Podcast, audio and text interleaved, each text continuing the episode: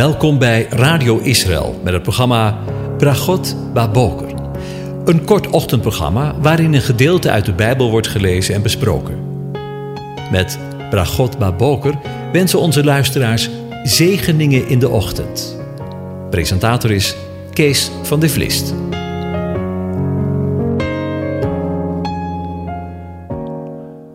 Goedemorgen, Bokatov, beste luisteraars. Vanmorgen denken we weer verder na over Psalm 132. En ik lees de hele psalm aan je voor. Een pelgrimslied. Here, denk aan David, aan al zijn lijden. Hoe hij de aanwezige gezworen heeft, de machtige van Jacob, deze gelofte deed. Nee, ik ga mijn tent, mijn huis niet binnen. Ik leg mij op de rustbank, mijn bed niet neer.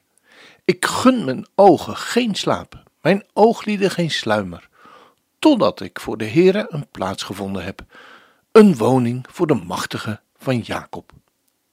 Zie, we hebben van de ark gehoord in Ephrata, hem gevonden in de velden van Jaar. Laten we zijn woning binnengaan, ons neerbuigen voor de voetbank van zijn voeten. Sta op, Heere, ga naar uw rustplaats, u en de ark van uw macht. Laat uw priesters bekleed worden met gerechtigheid. Laat uw gunstelingen juichen. Wijs het gebed, het gezicht van uw gezalfde niet af, omwille van David, uw dienaar. De Heere heeft David in waarheid gezworen, en hij zal daar niet van afwijken. Eén van de vrucht van uw schoot zal ik op uw troon zetten als uw zonen mijn verbond in acht zullen nemen en mijn getuigenissen die ik hun leren zal, zullen ook hun zonen tot in eeuwigheid op de troon zitten. Want de Heere, de aanwezige, heeft Sion verkoren. Hij heeft het begeerd tot zijn woongebied. Dit is, zei hij, mijn rustplaats tot in eeuwigheid. Hier zal ik wonen, want na haar heb ik verlangd.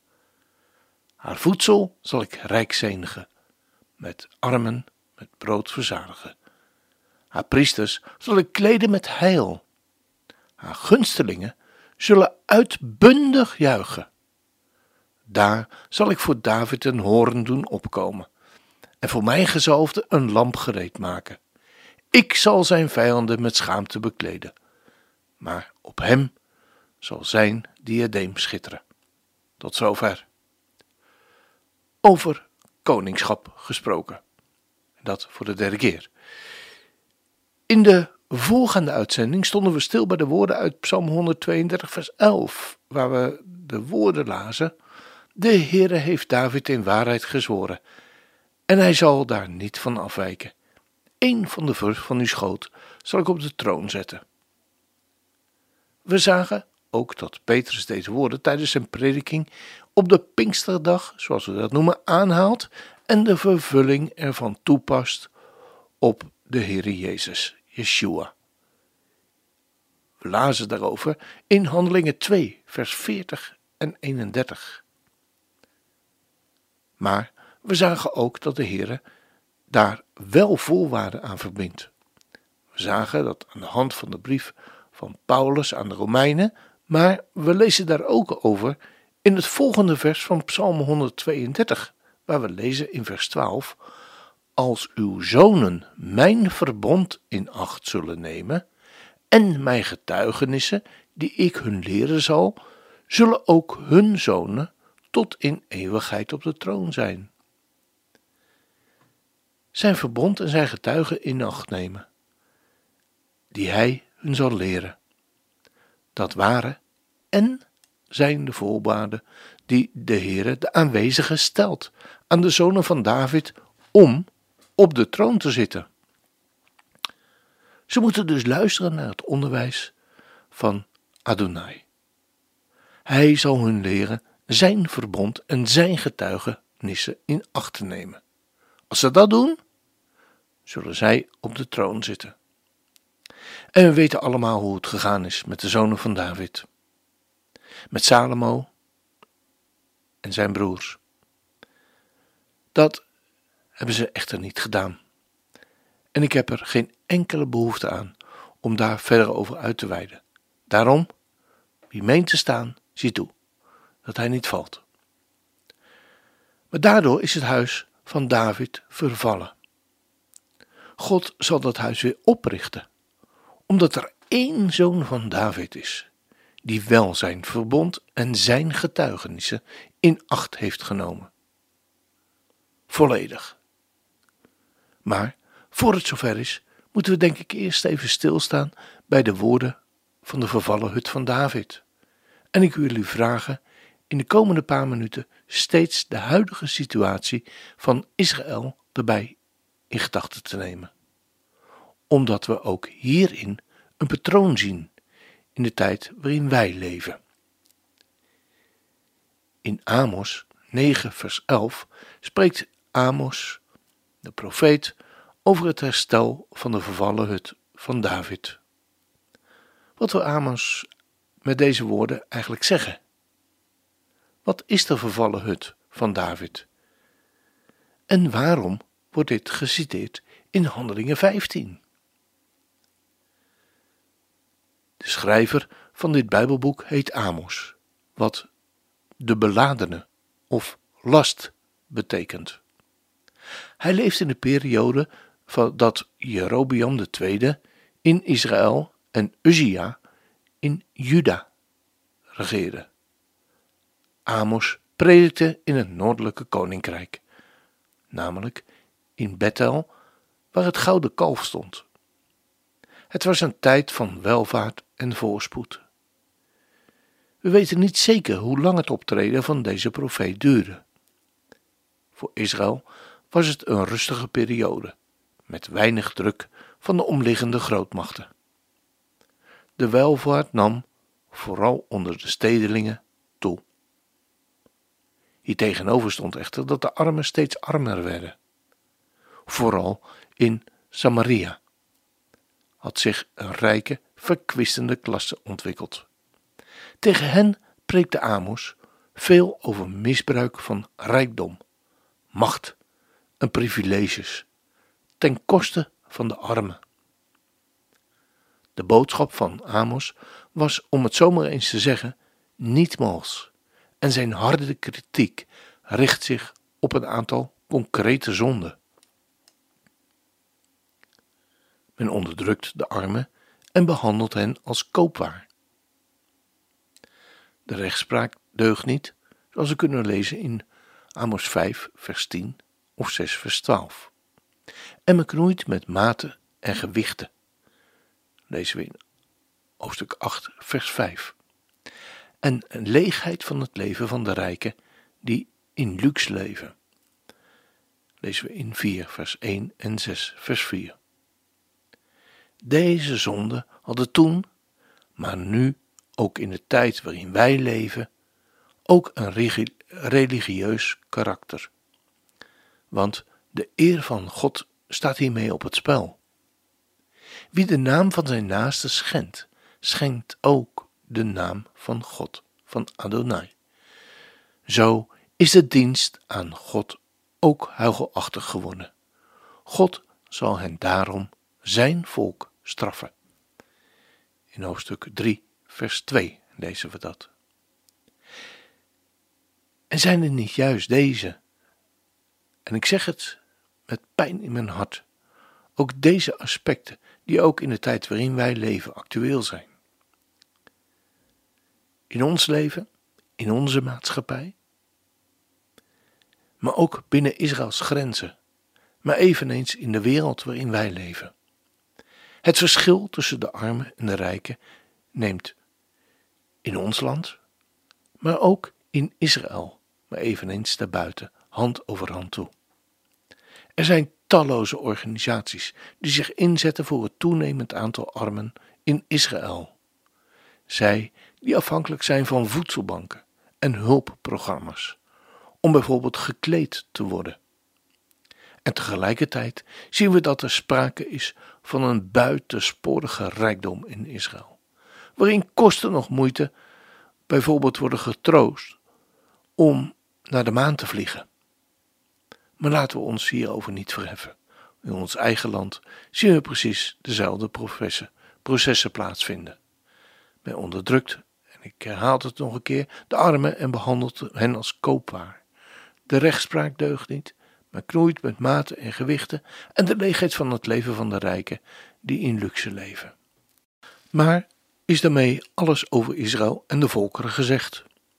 Natuurlijk niet, want naast de oordeelsaankondigingen gloeit er ook hoop in het slot van de profetische woorden van Amos. Hoop voor de toekomst. Want Gods woord is vooral evangelie. Blijde, goede boodschap. De goede en de blijde boodschap. Er gloort hoop, ook voor Israël en ook voor deze wereld. En ja, de oordelen zullen komen, maar God zal ook herstel geven. Want God zal zijn volk ook weer terugbrengen. Luister maar naar Gods belofte gesproken door zijn profeet Amos in hoofdstuk 9. Op die dag zal ik oprichten de vervallen hut van David. Ja, ze was vervallen, maar God zal die hut weer oprichten. Zijn scheuren zal ik dichtmaken. En wat aan hem is afgebroken, zal ik oprichten. Ik zal hem opbouwen als in de dagen van oude tijden af, zodat zij de rest van Edom in bezit zullen nemen. En alle heidevolken waarover mijn naam is uitgeroepen, spreekt de Heere, de aanwezige, die dit doet. Zie, er komen dagen, spreekt de aanwezige, dat de ploeger de maaier zal ontmoeten en de druiventreder de zaaier. En dat de bergen zullen druipen van jonge wijn en dat al de heuvels doordrenkt zullen worden. Ik zal een omkeer brengen in de gevangenschap van mijn volk. Hoort het goed, mijn volk, Israël. Zij zullen de verwoeste steden herbouwen en bewonen. Zij zullen wijngaarden planten en de wijn ervan drinken. Zij zullen tuinen aanleggen en de vrucht ervan eten.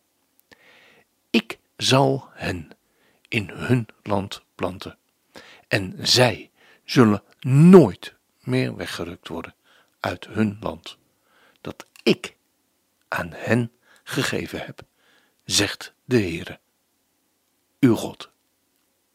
Als dat geen zegen is. I want to welcome, we've got a beautiful group, uh, a good friend of mine, Brian Slater, with Abundant Bread of Salvation. Uh, over here in the corner, he brought with him 35 Holocaust survivors from the Association of Ghetto Holocaust Survivors. Can we stand up over here in the corner? Thank you guys.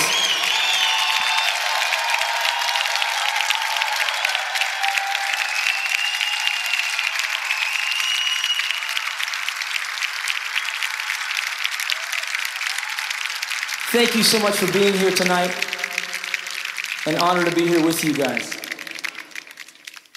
So here we are. Bring us back.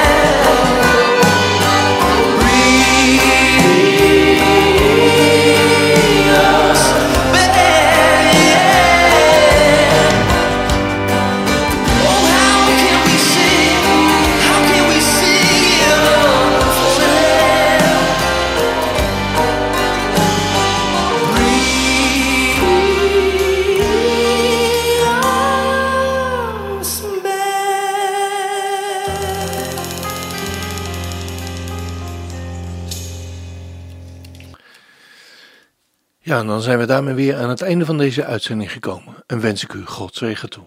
De Heer zegent en hij behoedt u. De Heer doet zijn aangezicht over u lichten.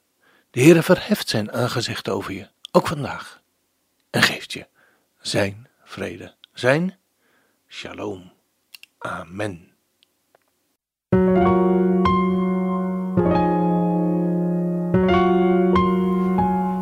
U hebt geluisterd naar het programma Bragot Baboker. Een kort ochtendprogramma waarin een gedeelte uit de Bijbel wordt gelezen en besproken. Wilt u het programma nog eens naluisteren, dan kan dat. Ga naar radioisrael.nl en klik onder het kopje radio op Uitzending gemist.